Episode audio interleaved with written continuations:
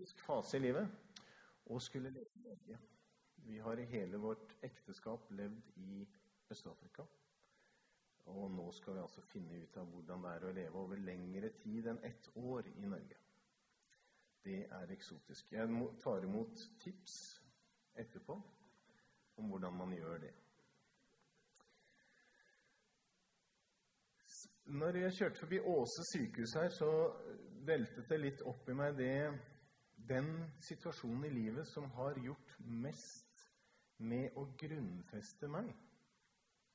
Den situasjonen i livet som har gjort at jeg har fått erfare at Guds løfter holder. Og den situasjonen i livet mitt som har gjort at jeg har tatt de valgene jeg har nå. Det å være misjonær. Noen av dere vet det kanskje. Jeg var forlovet med Alice Emblem, som døde og lå her på sykehuset da i syv måneder. Hvor jeg var sammen med henne delvis, men også begynte da på misjonsskolen. Gjennom alle de månedene så ba jeg om at hun måtte bli frisk, og hun ba om å få komme hjem. Så ble hun bønnhørt. Gjennom alle de månedene så trodde jeg hver morgen jeg ringte til Åse sykehus, så trodde jeg at de skulle si nå har det skjedd et under. Hun er blitt helt frisk. Og hver morgen så skjedde ikke det. Men det var små skritt i riktig retning. Og så kommer kvelden, og du tenker da den morgenen så tenker du ok, nå må du gi meg styrke, Jesus, denne, for denne dagen også. Og så kommer kvelden, så har han gjort det. Så har løftet holdt om at som dagen din er, skal også din styrke være. Og så er det en grunn til å takke også. Jeg tenkte jeg ville dele med dere, for at dere har kanskje kjennskap til emblemene. Um, og det er nok den episoden i livet som har gjort at jeg ikke kunne annet enn å si det at jeg vil dele dette med andre. For når Alice reiste, så reiste ikke hun inn i, dem, i mørket. Når Alice døde, så var jeg sikker på at hun når hjem. Og det er det verdt å bruke livet sitt på, og at flest mulig skal få se at Jesus lever. Og som den siste skal han stå på støvet. Nå er det misjon, og jeg er eh, ansatt som misjonsrådgiver. Og det går litt ut på at jeg sier til Øyvind ja, du bør ha på deg en mørk genser utenpå skjorten. Og du bør sitte langt foran når du er generalsekretær. Gi sånne gode råd. Eh, men mye av det går jo på dette med å få fokus på misjon, for vi tror jo at misjon er viktig. Og når jeg da har vokst opp ute, og jeg har jobbet ute, så føler jeg behov for å avklare tre ting før jeg begynner. Det ene er det Lokalt arbeid og forsamlingsarbeid, det er helt nødvendig. Jeg har aldri sagt og kommer aldri til å si at det ikke er nødvendig. Vi må ha fullt fokus på det. Så vil jeg gjerne si en annen ting i forlengelsen av det. Global misjon, altså det misjon som vi så nå på bildet, det å sende arbeidere ut det at du og jeg skal reise ut, eller noen fra vår forsamling skal reise ut, det syns jeg kanskje vi har mistet litt trykket på. Vi trenger å holde oppe trykket på at vi må ut. Vi må sende mennesker ut i andre kulturer for å forkynne evangeliet. Hui-folket i Kina, f.eks., det er en folkegruppe som NLM jobber iblant. Det er en muslimsk folkegruppe. De er om lag 12 millioner mennesker. Totalt så er det om lag 50 misjonærer fra hele verden som jobber blant dette folket. Og én av de enhetene, eller to mennesker, da, er fra NLM. 12 millioner mennesker. Det dobbelte mer enn det dobbelte av Norges befolkning. Det er om lag 1000 kristne blant Huey-folket. For dere som var på generalforsamlingen i år, så var det vi 5000 samlet der.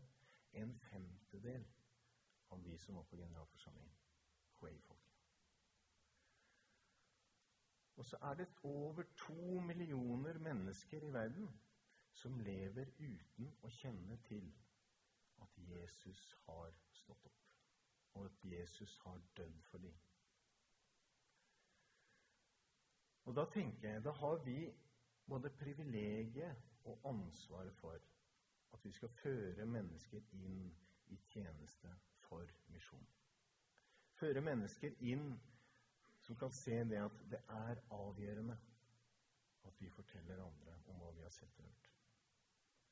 De regner med at disse Det er 6000 folkegrupper. Nå blir mye tall og sånt, så jeg er ikke så, egentlig så god på tall. Ikke på regnskap, i hvert fall. Det kan generaldirektøren bekrefte. Men tall er spennende i denne sammenhengen. Det er omtrent 6000 folkegrupper, og de da er to milliarder til sammen, som ikke er nådd med evangeliet. Det er ikke en utfordring til hovedstyret eller til NLM som en organisasjon. Men det er en utfordring til deg og meg.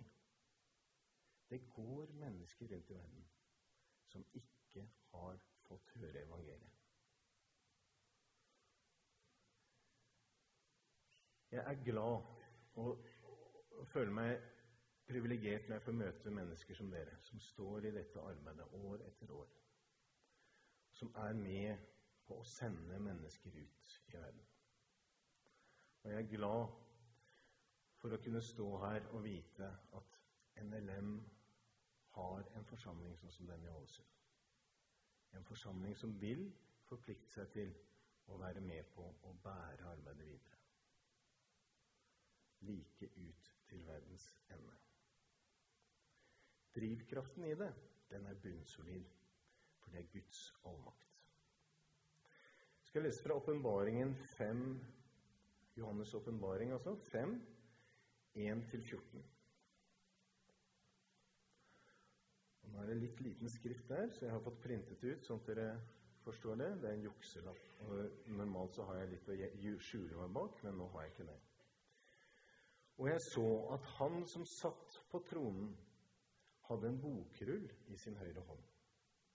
Det var skrevet både inni og utenpå den, og den var forseglet med sju seil. Da så jeg en mektig engel som ropte med høy røst. Hvem er verdig til å åpne boken og bryte seilene? Men verken i himmelen eller på jorden eller under jorden var det noen som kunne åpne boken eller se i den. Da gråt jeg sårt fordi ingen var funnet verdig til å åpne boken eller se den. Men en av de eldste sa til meg, gråt ikke, for løven av Judas stamme, Davids rotskudd, har seiret og kan åpne boken og de sju søylene. Og jeg så et lam som sto midt på tronen, mellom de fire skapningene og i kretsen av de eldste, og det så ut som lammet var slaktet. Det hadde sju horn og sju øyne, og øynene er Guds sju ånder som er sendt ut over hele jorden. Lammet kom og tok imot bokrullen fra den høyre hånd til ham som satt på tronen. Da det tok boken, falt de fire skapningene og de, sju, og de 24 eldste ned for lammet.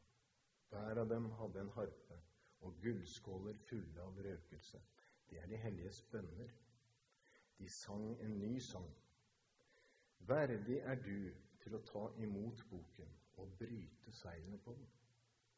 For du ble slaktet, og med ditt blod har du frikjøpt for Gud mennesker av alle stammer og tungemål, av alle folk og nasjoner. Du har gjort dem til et kongerike og til prester for vår Gud, og de skal herske som konger på jorden. Og jeg så, og jeg hørte lyden av mange engler omkring tronen, og de fire skapninger og de eldste. Det var myriader på myriader og tusener på tusener. De ropte med høy røst. Verdig er lammet som ble slaktet. Verdig til å få all makt og rikdom, visdom og styrke, ære, pris og takk. Og hver skapning i himmelen og på jorden og under jorden og på havet ja, alt som finnes i dem, hørte jeg si. Han som sitter på tronen, han og lammet være takk og ære. Pris og makt i all evighet. De fire skapninger svarte amen, og de eldste kastet seg ned og tilber. Her møter vi en allmektig Gud. Den allmektige Guden som ga oss misjonsbefalingen, som Øyvind minte oss på her. Og misjonsbefalingen ble gitt til oss fordi at meg er gitt all makt i himmelen og på jorden. Jesus var blitt gitt all makt. Det er med Hans allmakt, det er den vi forkynner, det er den vi bærer ut til alle mennesker. I Mrito, en landsby som vi jobbet i og var med på å plante kirke. Der var det en stamme som heter Korea, som levde. Og de er et krigersk folk. De er erkefiendene til masaiene, som er litt bedre kjent. Og de lever hardt, eller levde hardt. De løser konflikter f.eks. med å slåss med hverandre. De har ikke noen plass for Gud eller for noe annet. De er animister, så de ofrer til åndene, og de er redde. De er redde for at det skal bli ubalanse mellom dem og mellom åndene og mellom kreftene som lever rundt dem. Samtidig som de er harde. Vi sto og hadde dugnad på kirken. Bygde kirke. Det var om lag 200 som var blitt kristne i landsbyen. Og de var ivrige. De stilte opp på dugnad, og en gammel dame som heter Samoya, hun eh, hadde ikke krefter til å bære stein, sa hun. Men så kom hun med eselet sitt. Så sa hun men denne har krefter til å bære. Så vi fikk låne eselet og lesse på det, så kunne det bære steinen istedenfor Samoya. Så satt hun under treet og fortalte hyggelige historier til de som jobbet. Mens vi sto og jobbet der, så hørte vi yoi. Yoi er når de roper for å kommunisere. Og de ropte om et dødsfall nede ved elven. Og så spredde det seg oppover, både den veien i dalen og oppover mot kirken. Og når vi hører det, så stopper alt arbeidet. Og så må vi spørre hva skjer. Det er en som har druknet nede ved elven. Så går vi ned, eller løper ned til elven, og der ligger en mann på om lag 30 år. Han ser frisk ut. Han er, eh, ser ut som en sterk mann. Og han ligger i 10 cm med vann og ansiktet hans nedi der. Og er død. Vi drar han ut og kjenner han er død, og da, da, da han har ligget der litt. Og så spør jeg hvordan kan dette ha skjedd? Hvordan har han druknet her? Så kommer broren fram. Så sier han 'Jeg var her'. Var du her når han druknet i, i, i dette vannet her? Ja, men han fikk kifafa. Og kifafa, det er epilepsi. Men når, når, de får et epileptisk anfall, så var han overbevist om at det var onde ånder som gikk inn i broren hans. Og broren falt ned i vannet og lå der og hadde et epileptisk anfall. Og han turte ikke å dra broren sin ut av denne pytten. For åndene kunne da gå over på ham og ta ham. Hvor sterk er ikke frykten når du lar din bror drukne i ti centimeter med vann? Den frykten, det er den mange mennesker lever i som ennå ikke har fått møte Jesus. Som ennå ikke har fått sett at han har beseiret alt onde, og at han har blitt gitt all makt i himmelen og på jorden. Vi som sitter her, har fått vite om dette. Vi har fått del i evangeliet. Og vi har det privilegiet at vi kan få bære det videre til andre. Vi kan få fortelle andre om hva vi har fått del i. Så er det mange ganger vi sier, når vi sier at Gud har um, Gud kaller oss til tjeneste. Gud vil at, at vi skal fortsette å sende misjonærer. Så hører jeg mange ganger at vi sier ja, men det er, eh, nå kommer de jo hit. Ja, det er riktig. Det kommer mennesker hit, men samtidig så må vi også huske på at det er fortsatt flertallet som bor igjen der ute. Alle vi som er her, har fått misjonsbefalingen. Og det gjør Det forplikter oss til å dele evangeliet. Det forplikter oss til å gå ut med evangeliet. I 5.5 så står det Men en av de eldste sa til meg, gråt ikke, for løven av Judas stamme, Davids rot, har seiret og kan åpne boken med de sju seilene. Og Jesus han har blitt lovet fra begynnelsen av. I første Mosebok 49,10 løven av Juda, som alle folkene skal lyde, står det om der. Fra begynnelsen av. I Esaias 11,1 og 2 en kvist av Isais stubbe, en ånd med visdom og forstand, som gir kunnskap og frykt for Herren. Og så har vi de fine ordene i 1. Korinterbrev 15, 55-58. Død, hvor er din brodd? Død, hvor er din seier? Dødens brodd er synden, og syndens kraft er loven. Men Gud være takk, som gir oss seier ved vår Herre Jesus Kristus. Derfor, mine kjære søsken, stå fast og urokkelig. Arbeid raust og rikelig for Herren. For dere vet at i Herren er ikke deres strev forgjeves. Det lover Gud oss i sitt ord. Og Så kjenner vi til Johannes 1,20. Se Guds lam som bærer verdens synd. Siden begynnelsen, så, siden Adam og Eva, så er mennesker blitt født inn i verden og dødd og vært slaver under synd, slaver under djevelen. Millioner, milliarder av mennesker har gått inn i verden og ut av verden og vært slaver under djevelen.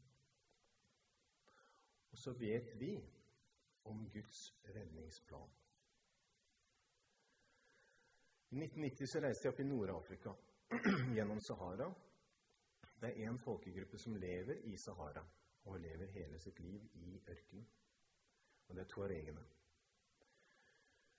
Jeg satt og snakket en del med noen tuareger, spesielt en som ble kalt for Sjakalen. Og så fortalte han at de har et eget sett med regler som ikke går sammen med nasjonens regler. Og det settet med regler setter de nok litt høyere, de som bor oppe i ørkenen. Han fortalte det at en av de tingene som var veldig alvorlig i, denne, i reglene deres og lovene deres, var at hvis du vet om en vannkilde og ikke forteller det til andre, så er det dødsstraff. Hvorfor? Jo, for det å vite om vann i en ørken er selvfølgelig avgjørende for at du skal overleve. Og så sitter vi og vet om kilden til levende vann. Og hvor presserende er det for oss? Hvor viktig er det for oss å vise dette og få delt dette til andre mennesker?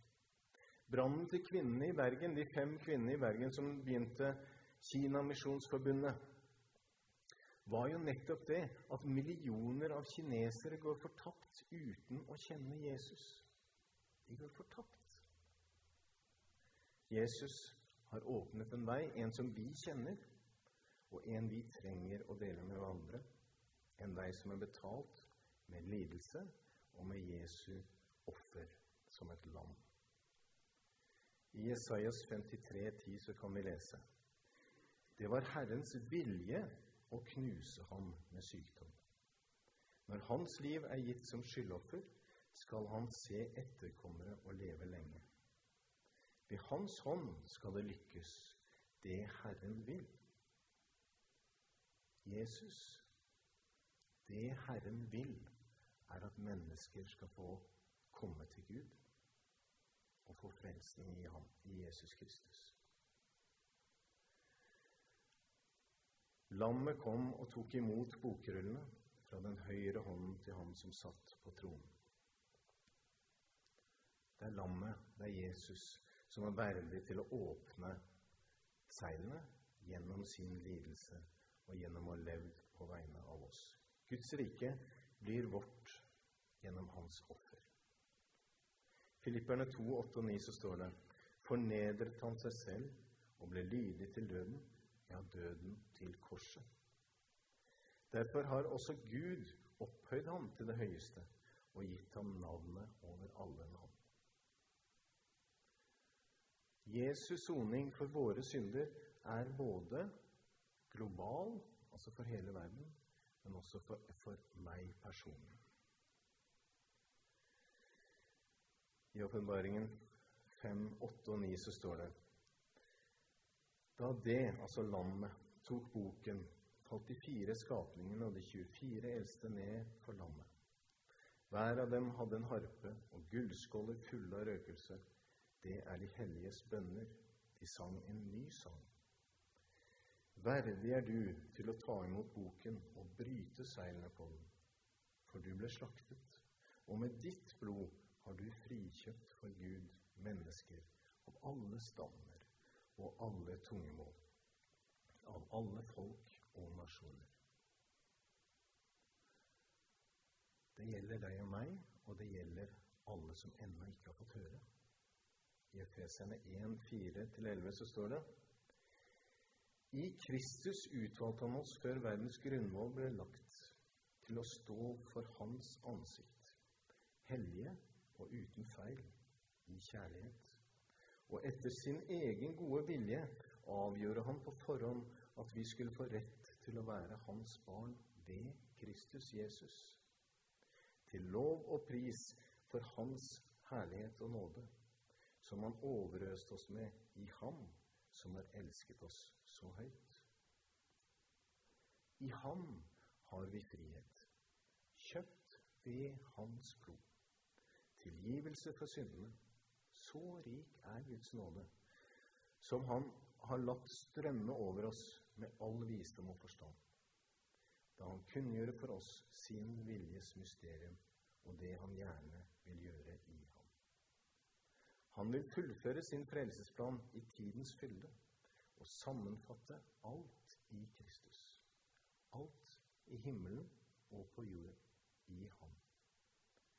I ham er også vi blitt arvinger. Vi som på forhånd har bestemt til det etter Guds forsett han som gjennomfører alt etter sin egen plan og vilje. Kjære venner. Når vi vet at det fortsatt er 6000 folkeslag som ennå ikke har hørt evangeliet To milliarder mennesker, sjeler Da har vi mye igjen av oppdraget vårt. Da har vi mye å ivre for. Vår lydighet til misjonsbefalingen er ufullstendig hvis vi tenker og leser den 'gå derfor og gjør disipler'. For det står nemlig 'gå derfor og gjør alle folkeslag til disipler'. Om vi tror at Jesus' soning var for alle folkeslag og tungemål, så må vi presse på og gå videre og sørge for at det er momentum i det skal, skal nå videre ut. Vi må fortsette å oppmuntre unge mennesker til å reise til andre folkeslag. Og fortsette å forkynne kallet til tjeneste, også ut. Vi må fortsette å minne våre barn på det, og selv om at oppdraget er ennå ikke utført, fullført. De sang en ny sang. Verdig er du til å ta imot boken og bryte seilene på den. For du ble slaktet, og med ditt blod har du frikjøpt for Gud mennesker av alle stammer og tungemål, av alle folk og nasjoner. Hvorfor skal vi gå videre ut? Jo, fordi vi kjenner til dette, og vi er blitt forvaltere av evangeliet. I tillegg så har vi blitt forvaltere av enorme ressurser som har blitt gitt oss av Gud. Mange ganger når jeg sitter i Afrika så tenker jeg, og, og møter kenyanere som er avhengige av Gud, så tenker jeg På en måte så har Nav tatt plassen til Gud. Vi er ikke avhengig av noe særlig annet enn Nav for å få hjulene til å gå. Hvis vi ikke vender oss til Gud og ser hva Han faktisk har sagt til oss, og hva det gjelder, det gjelder det evige livet for oss. Våre ressurser skal vi forvalte for at skal få gjort og fullført misjonsbefalingen. Vi er en del av det, som Øyvind sa i begynnelsen her også. Skal mennesker da drives ut liksom for at de syns synd på dem, eller for at de har dårlig samvittighet? Nei, det skal ikke Lammet er verdig til all, i, i all hans herlighet til å høre lovprisningen. Ikke bare fra 10 000 folkeslag, men fra 16 000 folkeslag. Og midt i det skal du og jeg få stå og prise Jesus foran tronen. Verdig er landet som ble slaktet. Så skal vi fortsette i morgen kveld. Da får jeg slippe til igjen, og da fortsetter jeg. Vi ber. Kjære Jesus. Hjelp oss til å se menneskene rundt oss sånn som du ser dem. Hjelp oss, Jesus, også til å se alvoret i at det er mennesker rundt verden som går fortapt uten å ha hørt om deg.